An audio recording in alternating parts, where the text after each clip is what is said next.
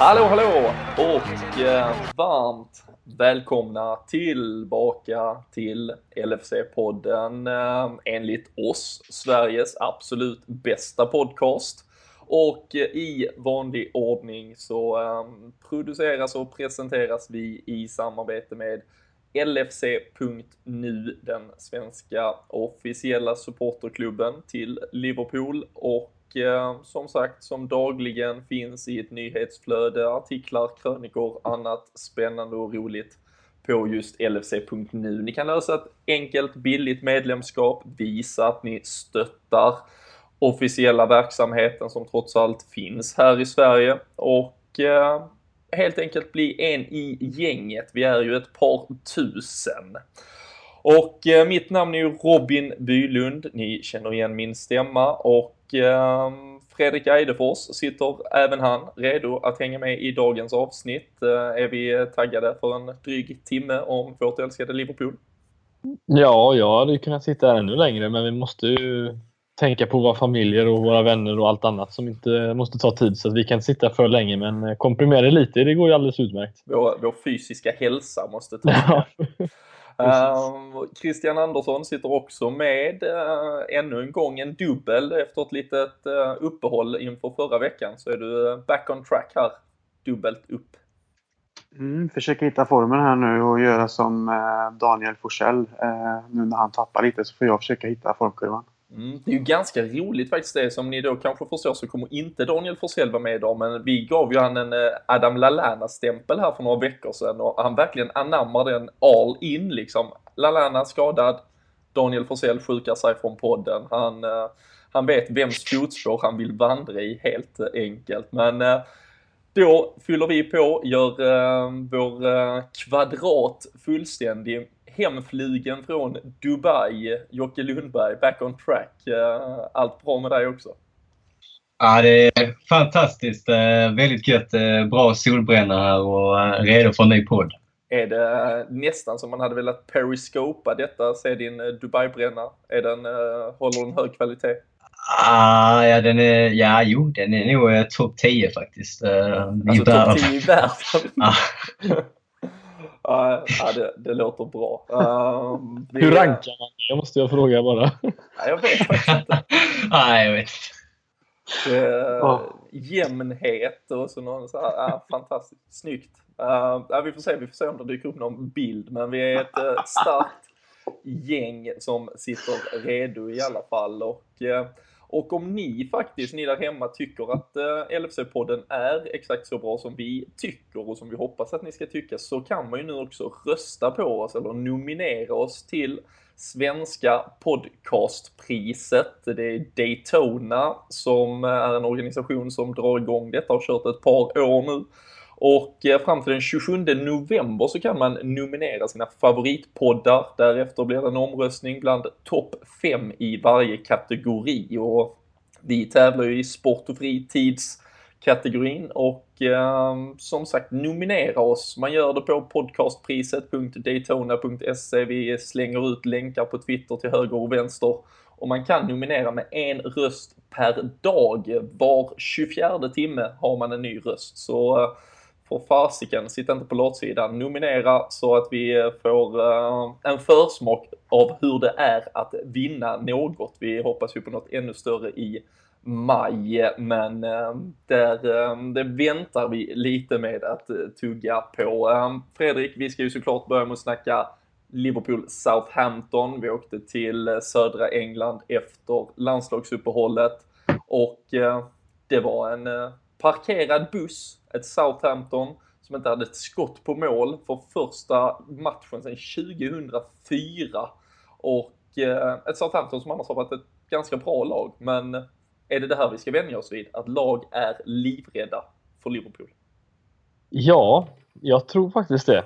Eh, och jag måste säga att jag är lite för, förvånad och jag tror även till och med Klopp var ute och sa det att eh, han var lite förvånad att folk, eller att folk, att lag ställer upp så himla defensivt och ger oss bollen så mycket som de faktiskt gör. Jag vet inte vad vi hamnar på i bollinnehav, men det var ju extremt mycket eh, som vi hade den. Eh, men jag tror att det är det vi kommer förvänta. Eh, lagen märker att när vi får för mycket yta då, då kommer vi göra en 3-4 mål per match. Eh, och de vill ju som sagt minimera det. Och, eh, det lyckades de delvis göra Southampton, men eh, sen var det ju vi som fick eh, skylla oss själva lite efter många missade chanser såklart. Men ja, vi kommer nog få se detta framöver eh, resten av säsongen, det ska jag gissa på ganska eh, på något sätt eh, sjuk statistik att de enda två matcherna vi har hållit nollan i har vi faktiskt misslyckats att vinna i. Det är ju nu Manchester United hemma och Southampton här, två 0-0 matcher det har resulterat i.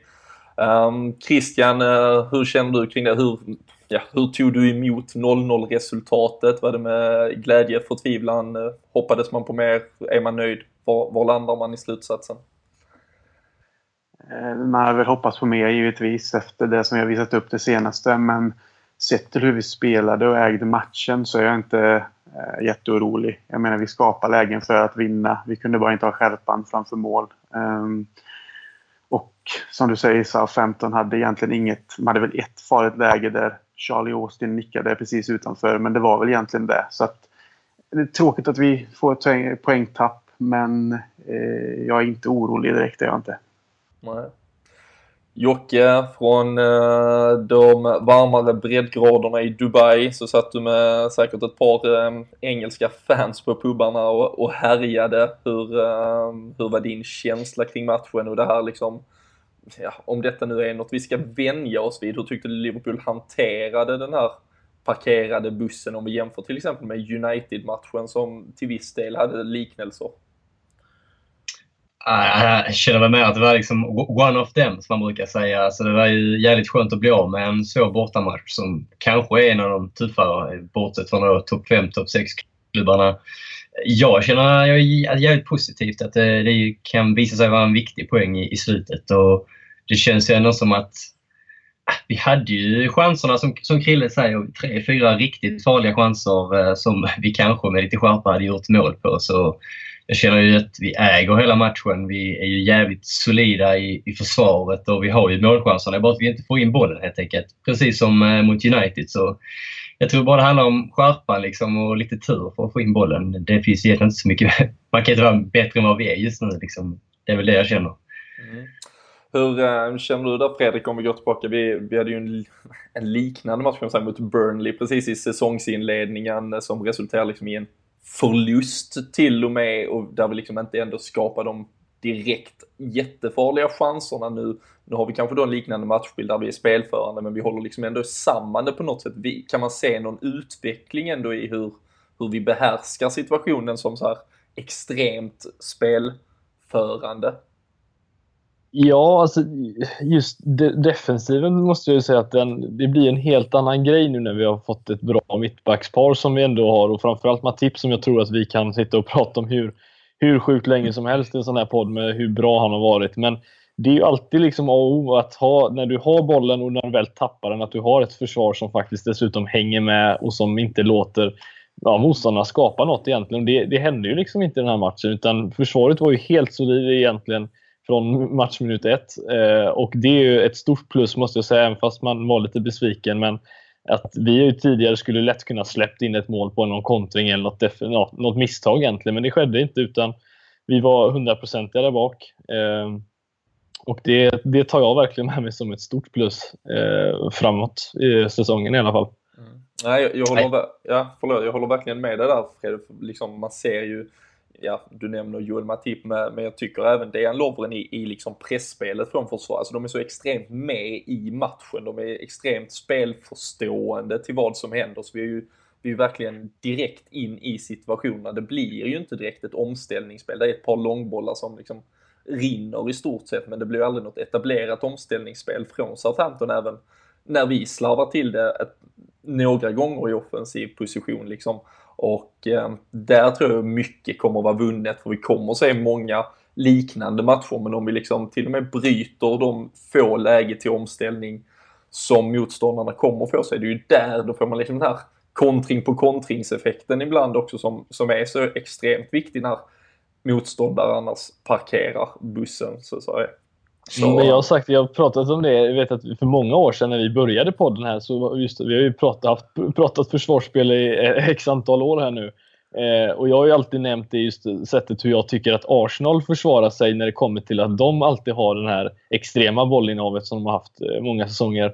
Eh, just med Korsenly som är sådär aggr alltså aggressiv på ett smart sätt. Det vill säga att han drar inte på sig några frisparkar när bollen väl kommer upp då från, från eh, det, andra laget. Utan just att man vinner tillbaka och så kan man börja anfalla igen. Och det tycker jag verkligen att Matip och Lovren har behärskat extremt bra den här säsongen. Just att vi inte drar på oss några onödiga frisparkar. Tiden går och så får de lyfta upp bollen. Utan vi vinner tillbaka den direkt och så är det anfall igen. Och det, det, det är mästarklass måste jag säga på försvarsspel. Det, det gillar jag. Man kan nästan tro att du påstår att Martin Skertel drog på sig onödiga frisparkar ibland. ja, man får läsa, man får, man får ta det hur man vill. Läsa mellan raderna. Så kan det vara, ja, precis. Christian, eh, annars eh, stora eh, nyheten. Vi satt ju här och snackade just landslagsmatcher för en vecka sedan och man går alltid på, trippar på tårna med nervositet om skador och annat.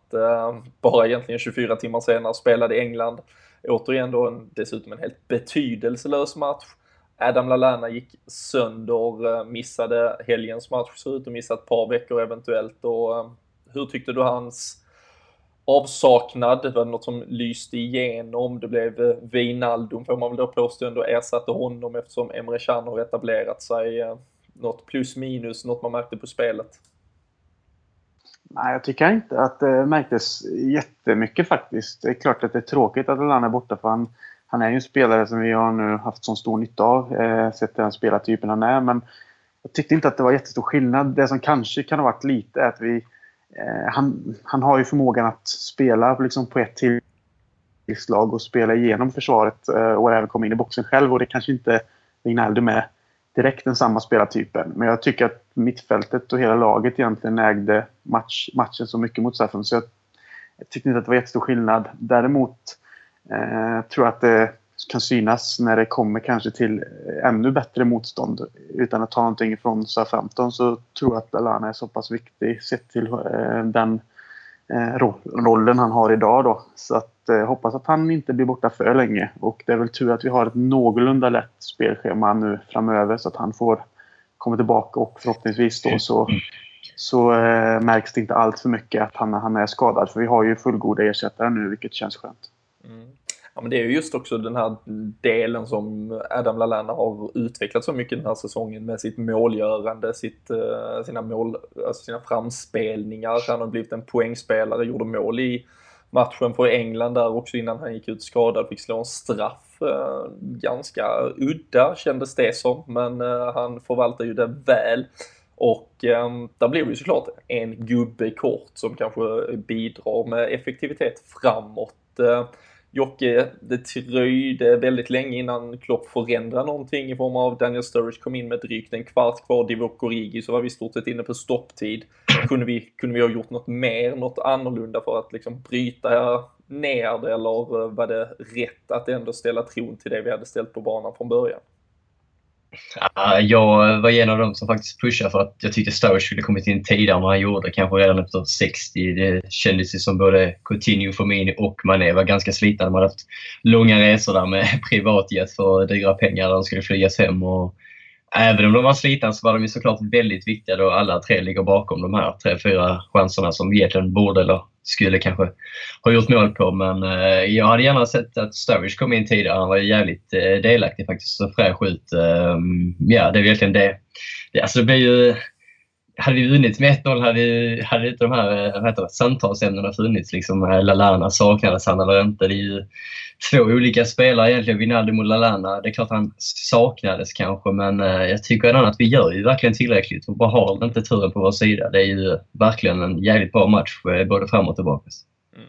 Nej, jag, jag instämmer till fullo. Ehm, jag tyckte också, ehm, liksom när man faktiskt nu när man tittar på vår trupp eh, mittfältsmässigt och anfallsmässigt och ser de rotationer som kan dels göras vid behov och dels göras på grund av kanske då en önskvärd effekt man vill få ut så finns det ju väldigt mycket kvalitet även när, när vi gör ett byte som när Wijnaldum går in för en Lalana, när Daniel Sturridge kommer in från bänken Och eh, vi, vi visar ju trots då att, att vi har en ny gubbe i, i, den, i offensiven att vi, vi fullständigt faktiskt utklassar Southampton. Och eh, hade det kanske inte varit ett landslagsuppehåll, hade det inte varit långa resor, eh, några sömnlösa nätter och lite annat så hade kanske Roberto Firmino liksom lagt in en av dem i nätet. Och eh, det är väl på något sätt ändå det som man får ta med sig från det här att vi åker till en så pass tuff bortamatch, är så extremt kontrollerade.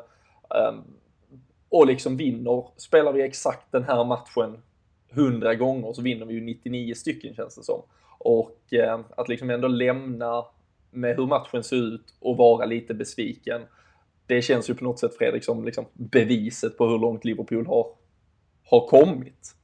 Ja, alltså det är, det är ju ett jättesteg vi har tagit. Och tar man, alltså det är flera spelare som har varit ute, eh, alltså motståndarspelare som har varit ute. Höjbjerg var ute eh, efter matchen och sa att det här är det bästa laget han har mött. Och han har mött eh, liksom Bayern och han har mött eh, andra jättestora eh, toppklubbar i sin karriär. Så det, det, är ett bevis på att vi faktiskt har hänt någonting med Liverpool den senaste tiden. Det, vi har liksom en, en liksom, de är rädda för oss. Och det, det är precis det de ska vara. för att vi eh, nu säger jag vi, för det är ju vi. Vi är sjukt farliga när vi väl spelar fotboll och det är vi väldigt bra på. Så att det, nej, det känns riktigt bra.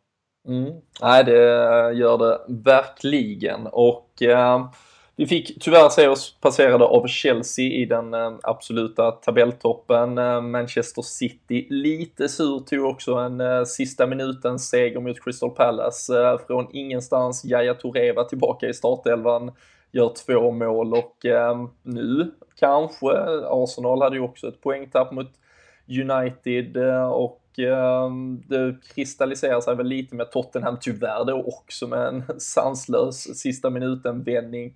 Men eh, vi har ju, Christian var inne på det, vi har ett lite lättare spelschema framför oss nu med all respekt för de motståndarna vi har. Och eh, Chelsea ska ju möta Tottenham Tottenham om jag inte missminner mig till helgen bland annat och eh, ja, där kommer ju kunna ges och tas poäng nu här. Och, eh, ska, ska även möta City helgen därefter kan vi lägga till ju. Så det är ju två tuffa matcher på G. Mm. Precis. Och eh, ja. vi har ju inledningsvis här Sunderland. Eh, men vi, vi tog ett stopp kring detta för någon vecka sedan. Liksom känslan, toppstriden, vad börjar utkristallisera sig? Christian, hur, eh, hur, hur börjar pulsen ta hand om, ta hand om kroppen? Jag börjar väl känna, alltså, alltså sakta men säkert börjar väl den här nervositeten inför varje match komma tillbaks nu.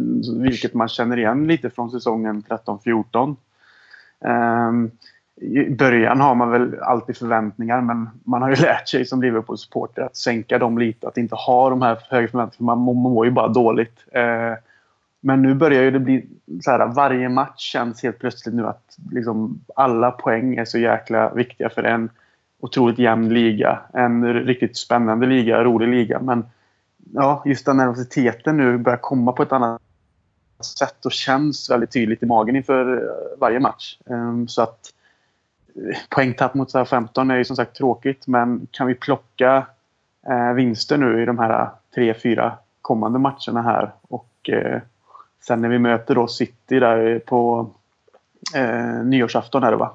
Precis. Eh, så har vi förhoppningsvis ligger vi fort, fortsatt där uppe och möter dem liksom och har möjlighet där och ska inte säga dra ifrån men att verkligen göra ett statement. Så att den här nervositeten som jag pratar om och som kommer från säsongen 13-14 när vi kom två den, den, den börjar smyga sig på så att nu börjar det nästan bli lite jobbigt och det är, det är ändå relativt tidigt på säsongen, även om vi snart spelat halva, så känns det att ska man klara av de här nerverna och att vi då är med hela vägen så kommer det bli en riktigt lång och slitsam eh, säsong för, en. Alltså det, det är både roligt men jobbigt. Jag stod, måste säga, jag står fortfarande fast vid det som jag har sagt tidigare. Alltså det, jag tror jag sa det för två veckor sedan. Just det här med att jag tror inte att något lag kommer liksom spela sig till en ligatitel i år av de lagen som är. För det är ju så många som är jämna. Jag tror att det kommer bli så precis som det hände nu den här helgen. Liksom, att antingen kommer ett lag gå göra mål i 90 minuter som Tottenham gör och vänder allting. Eller som oss då, att vi, vi spelar extremt bra, vi har chanserna men vi får inte till det. Utan att vi, något, de lagen kommer spela sig bort ifrån titeln. Liksom. Det, ingen kommer stå där med 12-13 poäng som seriesegrare tror jag inte. Utan det, därför är det viktigt att just ta de här poängen. Även fast eh, som sagt vi borde vara nöjda med ett eh, kryss sett till eh, att Southampton är en, ja, det är en svår bortamatch. Ja, men det är ju som vi alla vet att alla lag är ju alltid som bäst de säsonger Liverpool prickar ja. in formen. 08, 09, 13, 14. Vår, våra poängskörder har ju lett till liksom guld i 9 av 10 andra säsonger i stort sett. Så nej, det lär väl krävas något eh, exceptionellt, men vi har Sunderland som väntar härnäst och därefter så är det Bournemouth, West Ham, Middlesbrough, derby mot lillebror och sen Stoke innan det är Manchester City. Så det är ju, om man nu får prata lättare och svårare termer, så ser det ju bra ut för Liverpool om inte annat. Och just Sunderland-matchen ska vi såklart snacka mer om eh, snart. Men eh, Jocke, du har ju du har liksom plockat upp lite spaningar från eh, Dubai. Du har suttit och spenderat alldeles för mycket tid på, på nätet och läst på om safe standing, eh, vad det ska bli av ja. Steven Gerrard och eh, vi har ett, liksom ett litet gottebord av, av ämnen. Så jag tänker att du, du leder oss lite in i närmsta 20 minuterna. Oj, det var en stor uppgift. Jag vet inte, ska vi ska, ska börja med Gerard kanske, för det är väl den, den mindre delen av det. det har ju ryktats en del här nu efter att han eh, la skorna på hyllan, i alla fall eh, i USA. Ehm, han ska ju bli ny pappa, har ju även eh, blivit känt här nu i veckorna. Eh, det har ju ryktats om tränarjobb i Milton eh, Keynes och MK Dons rättare sagt och även en roll som spelande manager i Inter och även akademijobb i Liverpool senast idag publicerade han faktiskt en bild på Instagram när han körde lite skön boxning här på ett gym. Ett nystartat gym i Liverpool. Så han är ju alltså på Merseyside. Eh, och det skulle då eh, blivit sagt idag att han har tackat nej till managerjobbet för, för MK Dons ja, vad kan vi snacka eller säga om Gerard? Personligen känner jag i alla fall att det känns ju inte som att varför skulle han ens vilja träna MK Dons? Du har ju till och med varit i Dons. eller MK, heter det ju såklart. Ja, Milton Keynes. Jag spenderade två nätter där när jag var på en housefestival för fyra år sedan faktiskt. Bara en sån grej. Nej, väldigt död stad. Det kändes bara som det var rondeller och det var inte ens McDonalds öppet mitt i natten. Det var det är ju en påse Malteser, en, en påse Malteser fick man käka till kvällsmat där. Det var allt man kunde hitta i Milton Keynes. Så jag tror verkligen inte det är något för Gerard. Eh, även Milano och Inter känns väl inte så troligt om han nu ska bli pappa och kanske vill vara hemma när allt det där eh, händer och sker. Jag tror personligen att det blir kanske en akademiroll eh, Eh, i Liverpool som han väljer och liksom, ja, är hemma och njuter ett tag. Och ja, blir pappa för fjärde gången helt enkelt. Jag vet inte, hur känner ni? Vad tror ni? Vad händer med Gerard? det blev lite som en chock när vi satt och hoppades på Liverpool. Han kommer tillbaka på ett eller annat sätt men så kommer liksom ett rykte om MK Dons. Det var ju ingen i hela världen som ens, inte ens MK Dons själva kunde liksom tro att Ja, Nej, där kan vi gå ut och uttala oss om. Liksom. Nej, vi kan väl stanna egentligen lite för vi har ju, vi har ju nämnt detta förr och jag hoppas inte folk känner att man blir långrandig. Vi pratar trots allt om liksom den största som klubben kanske någonsin haft, men vi har ju tagit det väldigt för givet att det blir Liverpool trots allt. Christian, hur, hur reagerade du på att det liksom ändå kom rykten om andra klubbar, lägre divisioner i England, att det faktiskt finns fortfarande ett internationellt intresse för honom. Um, tror du att han kan vara sugen på något sånt här äventyr. Jag förstår ju att intresset kring honom finns från eh, lite mindre klubbar i lägre divisioner runt i England. Så han har ju en eh, grym erfarenhet som spelare och han har ju utbildat sig nu, vet vi ju, under säkert både när han gjorde sina sista år i Liverpool var han ju med och tränade ungdomslagen någon gång i veckan och sen har han ju tagit sina eh, licenser som jag förstår det. Jag vet inte till vilken nivå men han har ju gjort det nu när han varit i USA. Men jag, jag, vet inte. Ryktena, som sagt, de, jag förstår att intresset finns men det känns ju inte så eh, aktuellt på något sätt. Utan jag tror att Gerard är en kille som älskar hemma ändå. Och han, han, vi vet ju att han tycker att hemma är på Merseyside och i Liverpool. Det hade ju varit en större chock om det hade kommit en nyhet däremot där det står att Gerard tackar ja till managerjobbet då i NK Dons. Men eh, nej, jag tror som sagt att det blir en en eh, återkomst till Liverpool och förhoppningsvis i någon akademiroll där han kan jobba sig uppåt och lära sig av Klopp och grabbarna lite i skymundan. För jag, jag, är en av dem som ändå tycker att jag vill inte att han ska komma in och ta en för stor plats nu när Klopp håller bygga ett fundament som är väldigt stabilt. Utan för han är ändå en, en högt respekterad person i klubben och har burit det här laget under så många år och som du säger kanske den största som klubben någonsin haft. Och hur man än vänder och vrider på det. Så om han får en för mycket plats så kommer det någonstans ändå påverka, tror jag. Så jag hoppas att det börjar lite i skymundan och så sakta men säkert ta men, sig uppåt. Vad, vad, tror du en liksom för mycket plats är? Det var väl Eidefors som droppade den här Albeck-rollen här för några veckor sedan. Hade det varit för mycket? Liksom, och varför skulle det... Är det negativt? Blir det för mycket Gerard-fokus? Alltså... Jag känner väl att han någonstans har ju klubben gått vidare från... Det är liksom post Gerard nu vi har hittat någonting nytt med Klopp och en, hel, en helt annan rytm. Jag menar, Gerard var med under flera upplagor där vi hade världslag. Eh, räckte inte hela vägen och sen var han med väldigt många år där vi hade sämre trupper som egentligen kanske bara räckte till eh, de här 5, 6, 7, 8 åttonde plats i Premier League. Så, och alltså, en ligacup. Ja, men jag är ju liksom inte, jag är inte emot att Gerard ska komma tillbaka till klubben. Absolut inte. Det vill, det vill nog vem som helst. Och att han någon, någon gång i framtiden ska kanske vara rätt man på sidlinjen som i managerroll. Men just nu känner jag att Liverpool håller på att bygga med Klopp och det som han har satt ihop. Eh, jag, jag vill inte att någonting ska rubba det. Och Gerard är en sån sagt som, sån respekterad person. Med sånt. Kommer han in så tror jag att folk... Eh, det, jag vet inte. Alltså de, de kanske är proffs och det kanske, kanske inte blir så. Men jag är lite osäker på liksom att kommer han in och kanske får en röst och det blir eh, kanske lite för mycket så kanske det blir lite andra vibbar. Jag vet inte. Jag tycker att han kan börja lite i kommundan och ta till sig, lära sig och, och liksom finnas med där. Men helst stå på en ungdomsnivå. Sen kanske om en, två säsonger börjar kanske vara mer då med A-laget vid sidlinjen om det är så. Men han just nu jag att Klopp ska bygga den har. Liksom. Han kanske tycker det är rätt skönt ändå att kunna, liksom, nu när han precis har lagt av, att just inte behöva få en lite större press på sig. Det kan jag väl köpa. Att han, som du säger då Christian, vill börja lite längre ner, ta det lugnt, vara med familjen, den grejen, komma igång igen. Och sen kanske då jobba sig uppåt. Det, det kan man väl, ja, kanske låter mest troligt i mina öron i alla fall. Men jag tror inte att han hade fått en eh, för, för, ja, jag tror inte han hade påverkat så mycket på samma sätt som folk tror att han skulle liksom gå över Klopp eller att han skulle eh, på något sätt eh, styra och ställa. Det, jag tror att han är fullt medveten om att han inte hade fått göra det. Och jag tror att Klopp är, eh, eller jag tror alla är egentligen medvetna på den saken också. Mm. Nej, jag, jag, tror ändå inte att han, alltså, så, kanske missförstod mig där. Jag tror inte att han kommer in och blir en röst som styr och ställer och tar över. Absolut inte. Utan jag, det, det är mest bara att hans aura överlag, liksom, att alla har sån respekt för honom. Alltså allt från eh, jag ska säga, bollkalla till kökspersonal. Till, alltså det känns som att han kommer in tillbaka till klubben och att det kanske skapar en viss känsla. Och just nu känns det som att vi har gått förbi det lite och kanske ska bygga vidare på det vi har.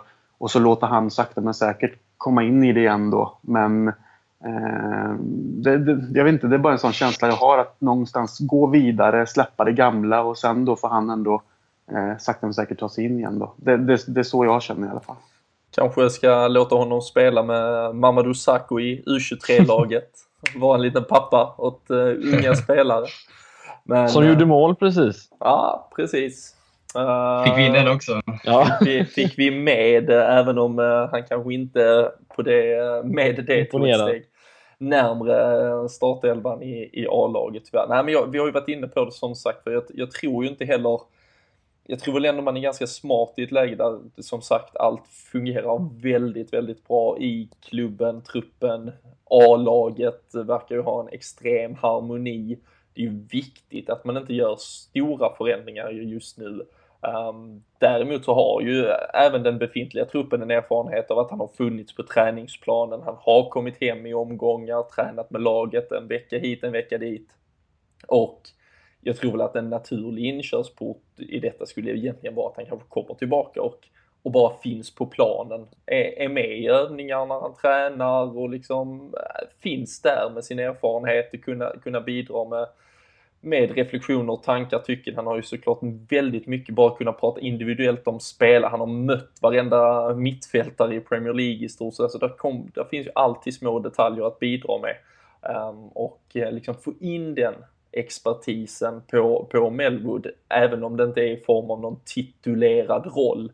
Det, det tror jag hade varit väldigt sunt just nu och sen tror jag det är kanske framåt sommaren man ska sätta sig ner och titta på någon organisatorisk, och liksom någon större förändring eventuellt beroende på hur den här säsongen har slutat, beroende på vad som sker, vilken satsning som görs och så vidare.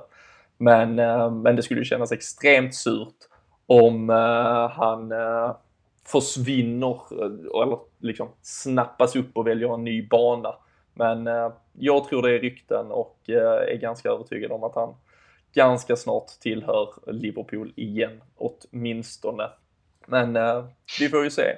Och så återkommer vi såklart i, i det ämnet också. Men din andra spaning Jocke, det gällde safe standing. Ståplats ja, jag, på engelska. Jag, jag har grävt djupt här på semestern. Jag har fått göra något vettigt. Så även uh, ståplats och Gerard. Nej, men safe standing snackas ju väldigt mycket i England just nu. Och initiativet är ju mer eller mindre att försöka eller liksom se till att ståplatsläktarna kommer tillbaka på arenorna. Och även om folk fortfarande står upp än idag så har det nu tagit fram ett säkrare alternativ. Och det består ju egentligen av att du har ett, ett räcke framför dig som du kan luta dig mot eller hålla i, precis som på alla ståplatsläktare.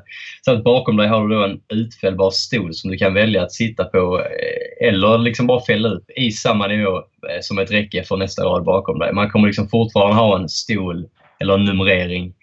Och, eh, det är ju tillåtet redan i Tyskland Österrike och även Sverige. Vi har det här i Helsingborg även, fast de kaosar på andra sätt som eh, vi alla vet antagligen. Eh, dock säger Uefa eller Fifa-reglerna att man inte får lov att ha det vid deras arrangemang men det finns ju då liksom justeringar på de här stolarna som gör att den går att låsa och sådana typer istället för att du måste plocka bort allting. Och eh, vi kan ju då nämna att Celtic blev den första klubben i Storbritannien att införa detta då i somras. Och de bytt ut eh, 2600 stolar mot det här. Och det som jag då grävt i, då, nyheterna rättare sagt från, från veckan här är ju att eh, Independent släppte en nyhet om att 13 av eh, 20 Premier League-klubbar ska vara för detta. Eh, däribland Tottenham, Chelsea, Palace, Watford, Sunderland, eh, Manchester City med flera. Även Arsenal, United ska vara intresserade det enda klubben som officiellt sagt nej är just Liverpool. Och eh, mycket är ju givetvis på grund av Hillsborough-katastrofen och dess följder, vilket man kan förstå.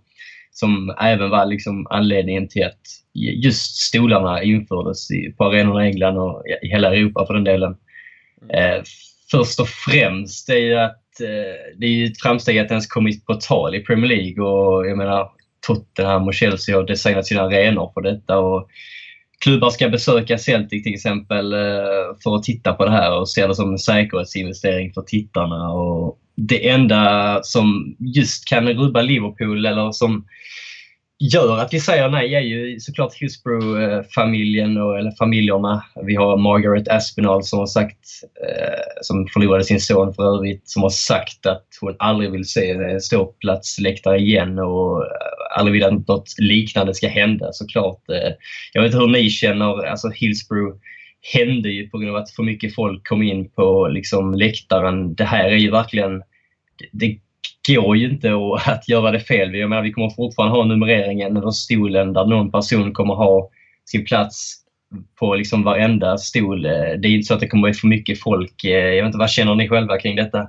En uh, får man dessutom, kommer man få in mer folk av CFC eller kommer liksom nej, en stol nej, egentligen alltså, vara fullskalig i storlek och allting i övrigt? Det, liksom? det, det, så, alltså, det är ju precis som idag att du har din stol, bara att du ja. har ett räcke framför dig och bakom dig. Så det kommer fortfarande vara samma kapacitet. Det är klart det är möjligt kanske gå att ändra på något sätt. Det finns ju ett par olika typer av den här safe standing med stolar och, och dylikt som finns. Men det är just denna det snackas om som är hetast eller som finns i Tyskland och, och så. Christian, du, du upplevde ju Anfield, England på, på plats under ett par år. Eh, samtidigt står man i mitten av Decop så vet man att eh, den där stolen ändå aldrig har använts. Eh, men, nej, men hur, tror du, hur tror du att den stora massan i Liverpool tar emot det och, och vad, är, vad är känslan generellt kring det? Eh, nej, jag är ju personligen, jag är såklart för stämningen så jag gillar att stå. Jag brukar mina biljetter på The Cop så mycket det går högre upp och i mitten eller 304, 305, 306 Så att du oftast kan få stå. Eh, och i de stora matcherna står ju majoriteten av the cop. Eh, också. Men eh, som supporter så skulle jag tycka att det var grymt att införa det. Men jag förstår den svåra frågan just i Liverpool på grund av Hillsborough, precis som Jocke nämner. Och jag vet inte. Alltså jag, jag har ju vänner i Liverpool som jag vet var med på Hillsborough som egentligen aldrig har pratat om det. Jag har bara omnämnt det snabbt och det är ingenting man, liksom, det är ingenting man går och frågar dem om heller. Liksom. Det är fruktansvärda minnen och bilder som de är med sig. Och jag vet inte. Jag personligen är en jättesvår fråga. Även om jag, jag som supporter skulle jag se det så tror jag att med all respekt för de som fick uppleva detta och de som har förlorat nära och kära och de som fortfarande eh, som går med de här minnena eh, varje dag hela tiden liksom, och blir påminn om det. Eh, då, då, det känns som att det är en svår det är ett jättesvårt beslut i Liverpool. Så att jag, och jag tror att den generella känslan är också bland supportrarna där att, att, att de inte ville på grund av respekten för alla. Men som den generella supporten så hade det varit grymt. Men jag, kan, inte, jag kan egentligen inte ge ett svar för just i den här frågan är det skit, skitsvårt i Liverpool-ögon sett. Så att, eh, mm. då får ni fortsätta lite. Ja, vi, vi, kan, vi kan ju bara lägga till att alltså det, de här Hillsborough-organisationerna har ju sagt att de är villiga att lyssna på idén. Och Spirit of Shankly hade ju sitt årsmöte nyligen där det här kom ut på på tapeten och samtliga involverade där röstade ja för en debatt. Och nu har ju Spirit of Shankly publicerat på sin hemsida en timeline som de kallar det som sträcker sig till senast nästa sommar då man liksom ska samtala och debattera och diskutera för och nackdelar med det här med både Hillsborough, Liverpool, supportrar, ja, polis, kommun, allting. Det är liksom ett projekt de har dragit igång nu som ska vara igång i 7-8 månader nu. Så vi kommer ju givetvis komma med nyheter och liksom hur det går under tiden men eh, det har ju verkligen satts igång en grej och det är ju verkligen att det finns ju ändå en viss del Liverpool-supportrar som verkligen vill ha det här men jag tror ju ändå att det antagligen inte kommer införas på grund av Hillsborough-familjerna. Givetvis förstår jag det, men samtidigt inte. Eh, det är givetvis en väldigt tragisk händelse, men så som det här ser ut. Vi kan lägga ut en bild på Twitter senare så kanske folk förstår exakt vad jag menar, men så som det här ser ut, det är ju verkligen säkert. Jag menar, det, det är ju verkligen... Ja, exakt. Nej, men det är ju verkligen att det är liksom, du, vi har ju våra 53 000 har vi just nu. Det kommer inte vara mer på Anfield utan det kommer inte vara för mycket folk. Och jag och både Krille, ja, alla för den delen, vi har ju varit med om när vi har firat som galningar och verkligen trott att vi ska liksom slå ihjäl oss i, i dagens, eller på dagens arenor där det bara är stolar som nu ska vara bättre. Det kommer ju kännas tryggare att liksom ha ett räcke framför sig så man liksom inte trillar ner tre rader eller jag kan ju känna att ibland kanske man fått hålla in på ett målfirande lite för att ja, man får liksom dra i någon eller man får någon över sig som trillar. Eh, givetvis kanske man firar jävligt hårt ibland men eh, det känns ju ändå tryggare med ett räcke istället för att någon ska trilla ner fem rader. Det har jag ju sett eh, ett par gånger liksom, när folk till och med slagit sig. Så jag säger bara att det skulle vara positivt. Liksom. Men är det bara för stämningen som egentligen tanken är då? Med, eller, för jag, jag är som sagt ja. Eh, ja, jätteinsatt i just denna grej. Men är det egentligen det som är huvudgrejen då? Att det ska bli liksom en stämning för hela? Man skapar väl en bättre supporterupplevelse också eftersom att eh, ja, generellt fotboll ses ju bäst stående för, i en klack. Liksom. Vi, har ju, vi har ju olika exempel på det här i Sverige. Liksom, det är jättebra supporter och läktarkultur i Sverige så att man ser ju hur kul fansen verkar ha det när de står och hoppar och sjunger och firar och dansar. Så att, jag skulle tycka det var grymt om det infördes men samtidigt då, som jag sa innan så eh, kan det ju bli svårt just i Liverpool. Sen som du säger Jocke så är det jättepositivt om de har eh, tagit kanske beslut om de ska diskutera detta i framtiden med alla involverade parter och att de kanske kan nå, gå framåt och hitta en lösning. Men jag är lite rädd att de här som verkligen tvärsätter sig och säger nej som oftast säkert kommer vara de som har drabbats hårdast av Hillsborough. Så, eh, vi får se, men det vore onekligen intressant och det hade nog eh, höjt stämningen på Anfield ännu mer. Eh, så att, eh, nej, det vore, det vore, det vore grymt faktiskt. Mm. Nej, vi får, som sagt, vi får ju se och jag, jag kan väl egentligen bara instämma med lite hur era tankar går. Jag tycker just att Dekop som är extremt tight när du då har din egen stol delvis nedfälld och sen har du egentligen liksom ryggstödet från raden framför dig har du liksom lite upp också. Du har ju när det väl blir trots allt god stämningssituationer där folk väljer att stå upp.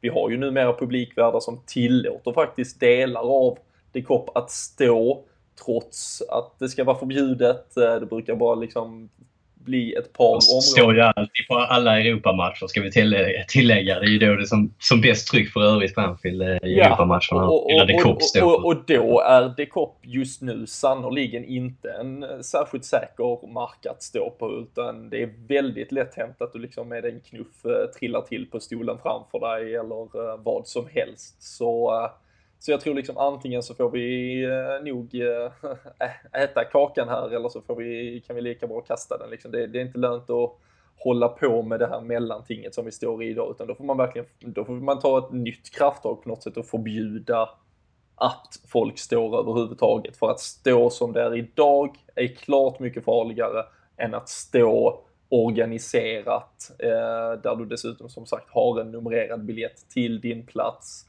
och eh, liksom kunna göra det med ett räcke framför sig och känna sig trygg.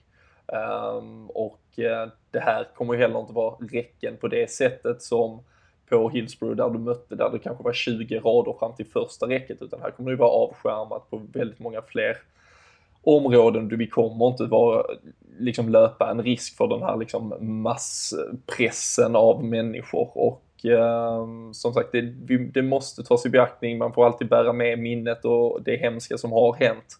Men eh, samtidigt så tror jag man ska vara ärlig mot sig själv och faktiskt inse att det så som Decop är idag är farligare och samtidigt så sitter vi alla och skriker egentligen efter liksom, vi vill ha häftigare stämning, vi vill ha mer, liksom, den här, vi vill låta totalfotbollen egentligen smitta av sig på läktarna och eh, då tror jag absolut att det krävs på något sätt. Att, eh, att, man, får, att man får fram mer inlevelse eh, och, och det tror jag man får i ett, med ett sånt liksom, setup egentligen.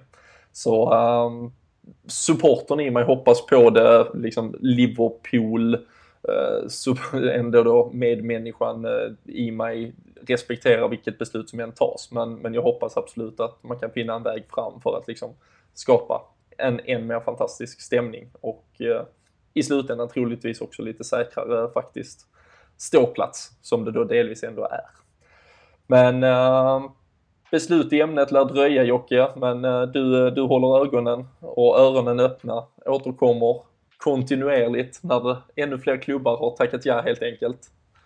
Så, uh, så ja, alltid, alltid. Du, det är du som är vår lilla nässlare på slu, slummiga forum. Det blir många resor till Dubai. Ja, för fan. Det, man lär sig så jävla mycket där nere. Det är helt sjukt. Det är framförallt om supporterkultur. Det, det, är där ja. den, det, det, är där den blommar. Men uh, vi har uh, kanske det viktigaste kvar att uh, gå igenom. Det är ju vad som komma skall. Det är Sunderland som väntar nu till helgen.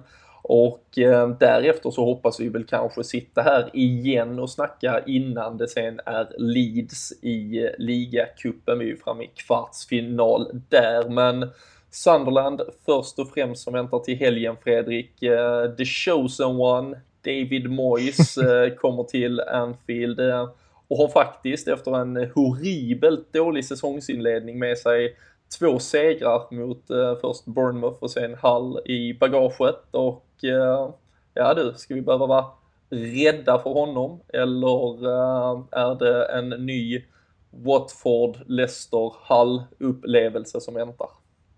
Eh, alltså, man ska ju alltid ha respekt för motståndaren, men eh, det är två, två segrar mot, ja, som du sa, Hull och Bournemouth ska inte kunna rädda upp hur Sunderland faktiskt har sett ut den här säsongen. Det är, eh, jag, jag kommer vara besviken om vi inte gör minst tre mål på det laget. Framförallt, inte på, hemma, framförallt på hemmaplan menar jag.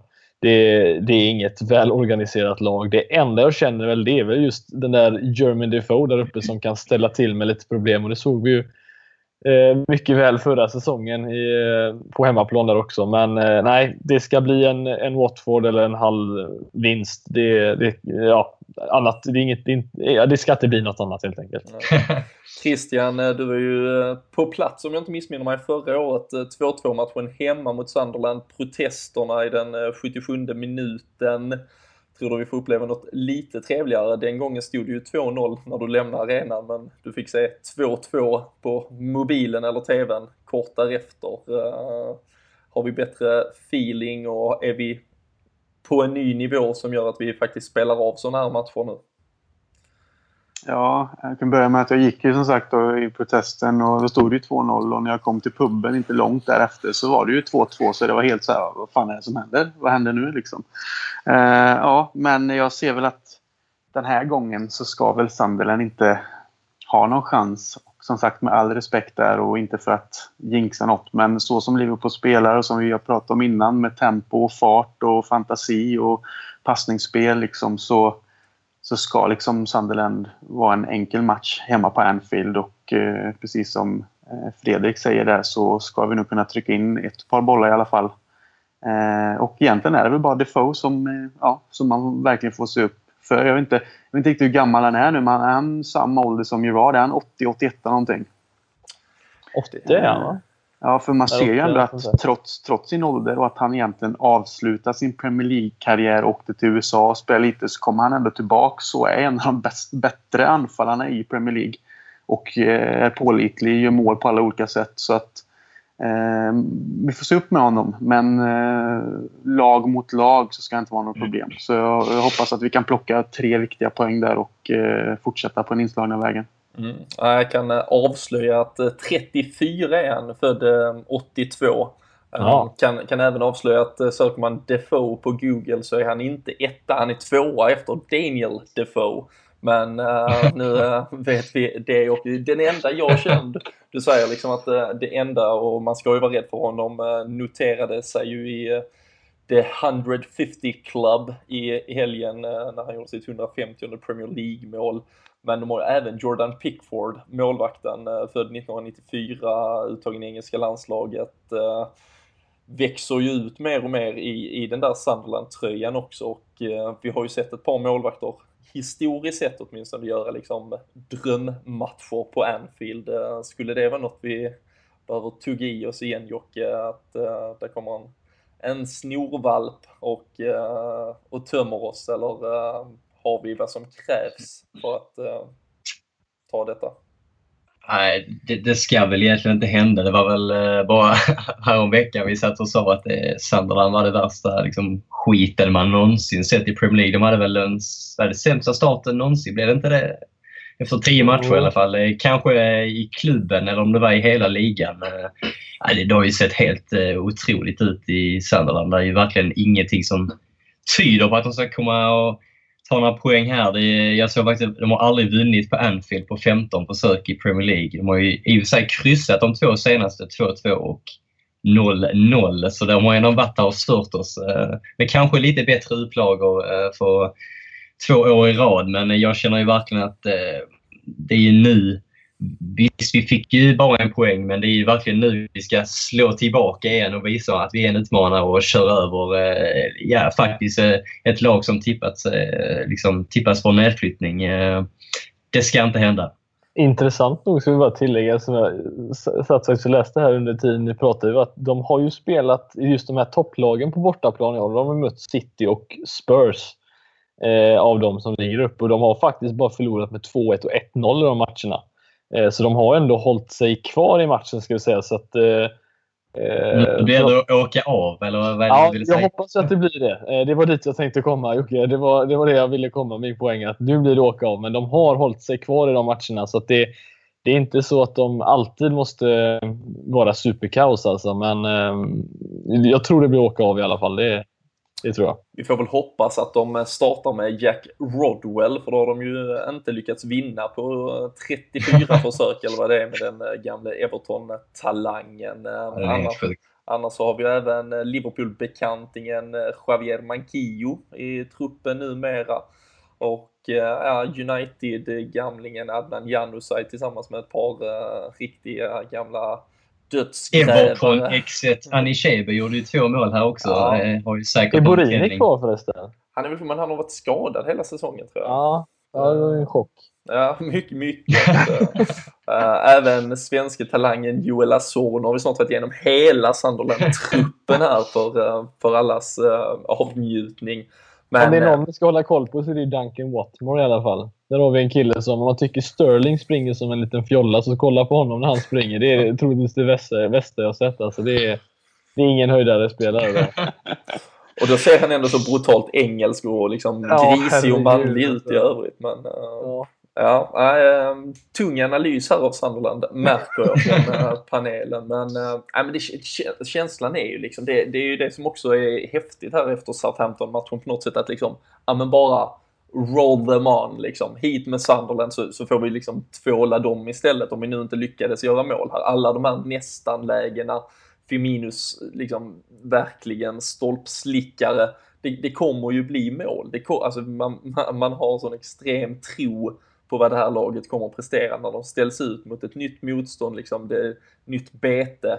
Och eh, även om då som sagt Adam Lallana högst troligt missar matchen igen, jag kan tänka mig att vi får se samma startuppställning. Så, så liksom, det, det, är ett lag som, som har så mycket rörelse i sig. De har fått vila nu här en vecka efter landslagssamlingarna som hade varit innan matchen.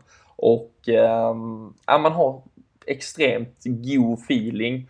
Och eh, det vore såklart extremt snöpligt att åka på en mina här men, eh, men det känns ju verkligen som att eh, vi bygger ett fundament för något som kan bli en, en jäkligt rolig säsong helt enkelt. Och eh, jag håller med dig Christian, man, man är nervös redan inför varje match och det, det, är man ju av anledningen att det betyder något. Det känns som att varje match redan nu faktiskt betyder något. I september brukar man annars längta efter nästa säsong i stort sett. Nu, Nu sitter man istället på, på nålar hela tiden. Eh, så nej. Men ser, ser man till att SA-15 var en bortamatch som egentligen då i regel är svår och vi, med, även med de lägena vi hade och vi skapade så fick vi med oss ett poäng så känns det som att hemma mot Sunderland sett hur dåligt de har startat och, och hur liksom darriga de egentligen har varit så känns det som att det här är verkligen, verkligen en måste-match. Det inte finns någonting annat än att vi ska vinna alltså, liksom, självklart och ta de här tre poängen. För det är de sådana här poäng som vi verkligen måste ta om vi ska förhoppningsvis kunna vara med hela vägen eh, i maj. Så det är det som gör mig nervös också. För det, det, här är en match där man inte får tappa poäng på Anfield mot Sunderland. Eh, helt enkelt. Och det, är därför man, det är därför man mår dåligt helt enkelt.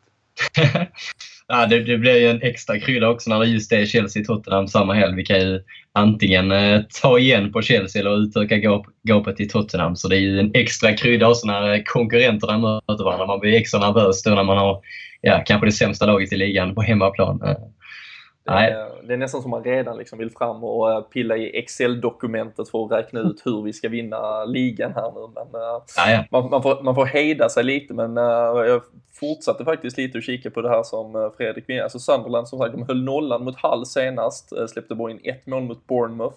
Dessförinnan, ja, en smäll mot Arsenal, släppte in fyra mål men släppte bara in ett mot West Ham, två mot Stoke, ett mot West Bromwich. Så eh, det, det kanske ändå krävs lite eh, i offensiven för att pulverisera dem, Fredrik. Ja, jag står fast vid det. det. Man kan sitta och skämta som sagt mycket om, om dem, eller hur Duncan Watmore springer, men det är trots allt ett Premier League-lag och eh, jag menar, vi skulle ju vunnit på samma sätt förra säsongen, men vi gjorde det inte. Nu har vi visserligen ett helt annan, en helt annan inställning och ett, en bättre form. Så det, jag tror inte det kommer hända, men absolut ska man ha eh, respekt för alla lag i Premier League. Mm. Och eh, hur blir det nu då eh, Christian? Blir det en eh, upprepning av resultatet som du trodde att det blev när du lämnade arenan senast? Eller blir det vad det faktiskt blev? Eh, vinner vi? Spelar vi oavgjort? Hur många mål får vi in bakom Pickford? Nej, just i den här matchen så som jag har suttit och snackat nu så finns det ju bara en... Eh, ut, vad säger man? Ett, eh, ja, det är bara en sak som gäller och det är att vinna. Och jag tror nog ändå att vi... Mm, ja, jag sa ju 1-3 mot Southampton då och det var ju helt åt helvete. Men eh, jag drar till med en 3-0 mot Sunderland hemma. Snyggt! Eh, och eh, Jocke, hur är din feeling? Ja, vi kan ju ta med att Danne Forsell tippar ju 6-0 här i, i eftermiddags. Ehm, jag tror ju, eh, han utlovade till och med 6-0 ska vi säga. Han utlovade för att han inte kunde vara med ikväll av eh, okänd anledning. Men eh, jag säger 2-1. Defoe ger Sunderland ledningen och sen visar vi mästarklass när vi vänder matchen och ja, verkligen öser på med chanser men gör bara två mål och det blir 2-1. Det där var sent, mycket... mål, eh, sent mål bara för nerverna. Det ska vara så hårt och jobbigt som möjligt. Det blir 2-1 i slutminuterna. Ja, ja, men man kan ju bli eh, rik. Det var ju 20 olika tips där. Man kan bli riktigt rik på eh, live-betting om man följer detta här. Men ähm, Fredrik, 2-1, 3-0. Vi har blandad kompott. Du har varnat för ett äh, ganska försvarsstarkt Sunderland. Äh, 2-0 Liverpool. 2-0 Liverpool. Kort. Mm koncist och äh, ja. lämnar... Det var ord och inga visor. Nej, nu kommer nollan med mål. Så ja, det, att, äh, nu är det på väg. Det lämnar ju inte mycket till övers för mig, men då, då slänger jag in en, eh, en 5-0 bara för att, att sticka ut och uh, ja, vi, uh, vi får se. Nu är det kanske jag som drömmer och svävar, men uh, vi verkar vara eniga om att vi förväntar en vinst åtminstone. Så eh, vi hoppas såklart på det. Eh, vi har eh, snackat ner Southampton-matchen, vi har snackat Steven Gerrard, vi har pratat safe standing och hur det ska gå mot Sunderland och i stort sett gått igenom hela deras trupp. Bara det är ju smått fantastiskt och med det så tror jag faktiskt att vi tackar för idag. Vi tackar till alla er som har lyssnat och vi ehm, passar väl på att understryka det här med att ni kan nominera oss till Svenska podcastpriset. Eh, ni gör det genom att eh, logga in på podcastpriset.daytona.se eller surfa in rättare sagt och eh, där klickar jag fram till LFC-podden med ett bindestreck kan vi poängtera och eh, lägga en röst. Ni kan lägga en röst om dagen. Var 24 timme har man en ny, så ös på fram till den 27 november så hoppas vi vara en av fem poddar i sport och fritidskategorin så får ni rösta ännu mer därefter. Ehm, I vanlig ordning blir det även tipstävling på Twitter för er alla. Ingen hade 0-0 mot Southampton så där ligger kvar en tröja i vanlig ordning i potten. Och Eh, med det så tackar vi. Vi hörs igen om en dryg vecka. Vi håller tummarna för en seger mot Sunderland och eh, så får ni ha det bäst tills vi hörs igen.